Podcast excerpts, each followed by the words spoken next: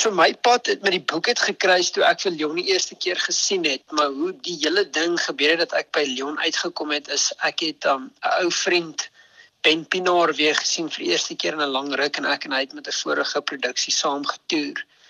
En toe ek vir hom vra, jy weet, na COVID en alles wat maak hy alles met sy lewe en wat hy mee besig is, sê hy vir my hy en twee ander vennote vervaardig teater. Toe vat ek sommer 'n kans want dit is 'n droom wat ek al lank het om 'n een eenman stuk te doen.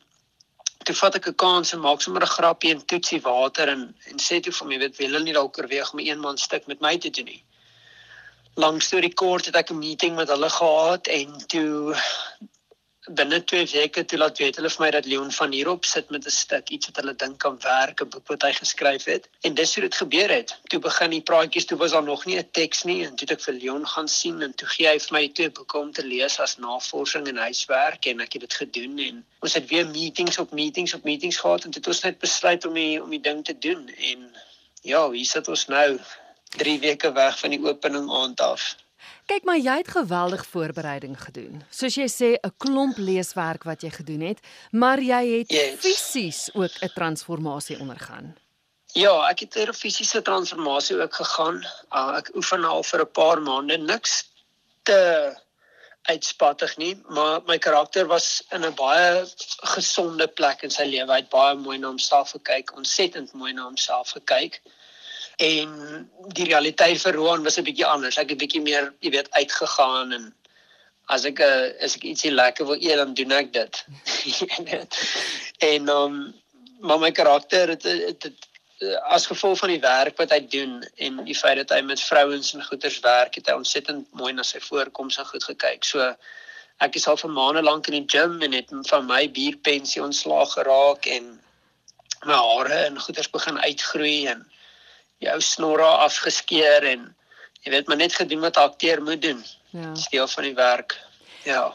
Jy het groot geword eintlik uh, voor ons gehore. Jy was baie bekend en baie lank vir jou rol in Binnelanders waar jy 'n skoolseun gespeel het.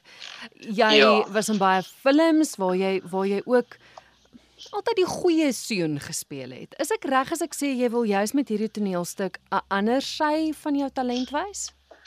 Ja, hierdie is dit is dit is my onge, ongelooflik belangrik gewees om om 'n kans te vat en te hoor of iemand bereid sou wees om hierdie ding met my te doen want dit is al baie lank dat mense my ken vir daai spesifieke rol en dit is my droom om meer te wees as dit. Mm. en hierdie is die perfekte geleentheid om vir mense te wys tot wat ek in staat is. En boonop dit is dit so 'n mooi storie ook wat wat net moet uit en die feit dat Leon en Lian en Johan almal bereid is om 'n kans op my te vat en my net die kans my die kans te gee om my drome te volg is is vir my 'n baie groot eer en ja dis nou dis nou tyd om vir mense te wys dat dat ek nie meer 'n kind is nie ja ja Leon het vinnig net verduidelik. Ek dink nie in soveel detail oor waaroor die stuk gaan nie, maar jou karakter se naam is Tristan en hy is 'n prostituut. Wat is vir jou die grootste uitdaging om die karakter aan te vat? Ek moet eerlikwaar vir jou sê behalwe vir die vir die prostitusie en prostitusie is so so 'n rowwe woord om te gebruik want hy dit dit was vir hom baie meer dit was baie meer vir die karakter 'n ding van om met eensame vrouens te te connect mm. en en hulle te genees tot 'n mate. Dit het nie noodwendig gegaan oor wat als in die slaapkamer aangegaan het. Die baie van sy kliënte het om intendeel net betaal vir sy geselskap. So dit is dis sulke goed wat dit baie spesiaal maak en wat dit baie meer maak as net 'n jy weet, dis nie 'n storie oor 'n prostituut nie. Dit mm. gaan oor 'n oor 'n man wat gevoel het hy kan baie meer doen met die talente wat hy het. En behalwe vir dit het ek en hy nogal baie in gemeen die die manier wat ons die, die wêreld sien en ook die manier wat ons groot geword het. Ja, as ons sê dit is die grootste uitdaging gewees, die grootste uitdaging vir my is is die spronge wat ek maak tussen al die karakters en die feit dat ek een man alleen op die verhoog staan en al die woorde en die spronge tussen 'n man speel en 'n vrou speel en jy weet dis waar die uitdaging in in vir my vir my ingekom het om om die wat is die woord nou? Um om bietjie veelsidigheid te oefen. Is ja, dit reg? Ja, ja. Is dit reg gesê? Ja.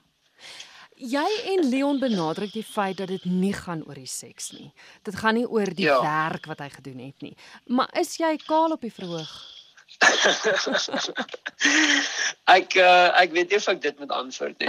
Ek vra Um, namens die luisteraars. Ja, jy um die poster sal die poster sal vir almal um wys, jy weet, vir die ouderdomsbeperking wat als in die show aangaan.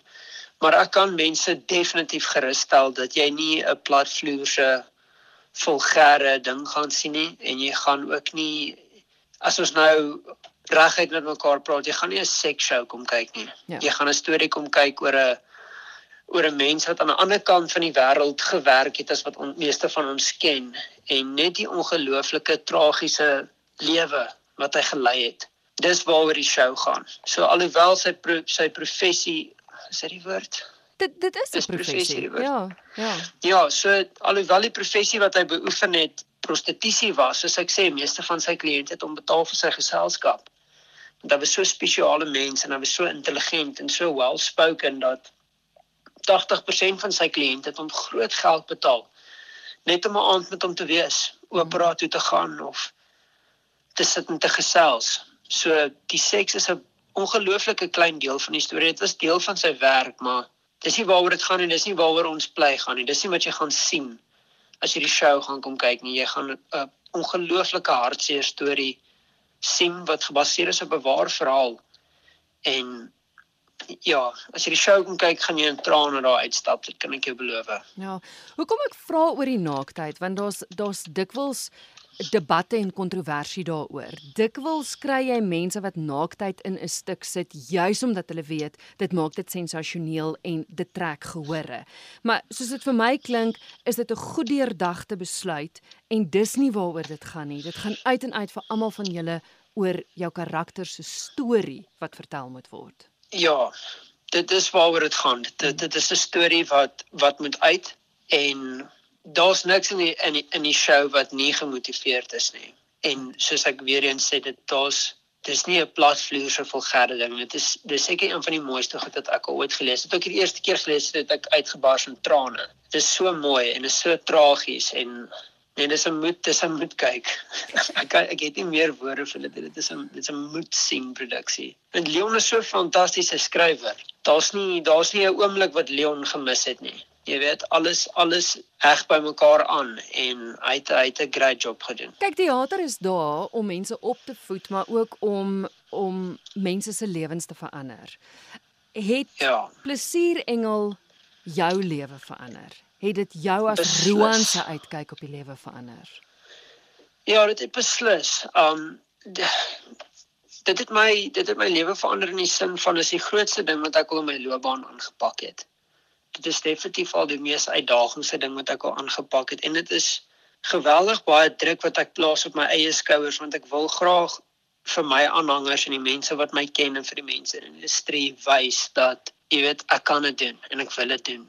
Ek's honger vir dit vir die vir die real deal die laaste paar maande van net my leefstyl en goeders aanpas vir hierdie karakter het regtig my oë oopgemaak in ander maniere. Die die die karakter het ook sielkundig gaan swat vir 'n ruk. Um hy het vir vir vir verskeie redes het hy opgeskop of eintlik geloop en sy kursus gelos, maar ek het ook in Kendall al twee boeke gelees oor die menslike brein en hoe ons dink en die en die sielkunde wat ons of hoe ons aan mekaar gesit is om om beter te verstaan waar hy vandaan kom en hoekom hy so sterk voel dat hy sulke goeie verandering kan kan aanbring in mense.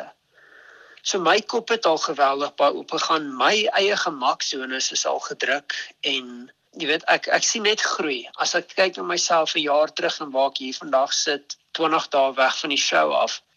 Ek is so beïnvloed al en dis so nice. Dit voel of ek al so baie gegroei het. Voel of ek al by hierdie ou so baie geleer het en ek en ek ken hom nie eers nie. Jy weet, ek ek ken nie die regte persoon nie, maar vandat ons die produksie aangevat het en die feit dat ek die karakter so baie tyd om met die karakter spandeer het, um, het dit my ongelooflik baie beïnvloed in die manier hoe ek myself dra as ek uit die huis uitstap in die oggend. Nou teen die tyd Ja. wat die onderhoud uitgaan, gaan dit minder as 20 dae wees. Maar vertel gou vir die luisteraars, wanneer open julle en waar open julle? So ons open in Centurion die 21ste April tot die 24ste April. Dit is van die donderdag aand af tot die Sondagmiddag. Daar's 5 vertonings om van te kies. Dan gaan ons dadelik daarna Suidoosterfees toe. Dan speel ons by die Artscape Theater in die Kaap. Dit is van die 27ste April tot die 30ste April. Dan speel ons in die Linden Theater in Johannesburg die 13de en die 14de Mei. Dan speel ons by Gate 69 ook in Kaapstad van die 18de Julie tot die 30ste Julie. En dan daarna by die Etienne Rousseau Theater in Sasolburg 9 tot 11 September.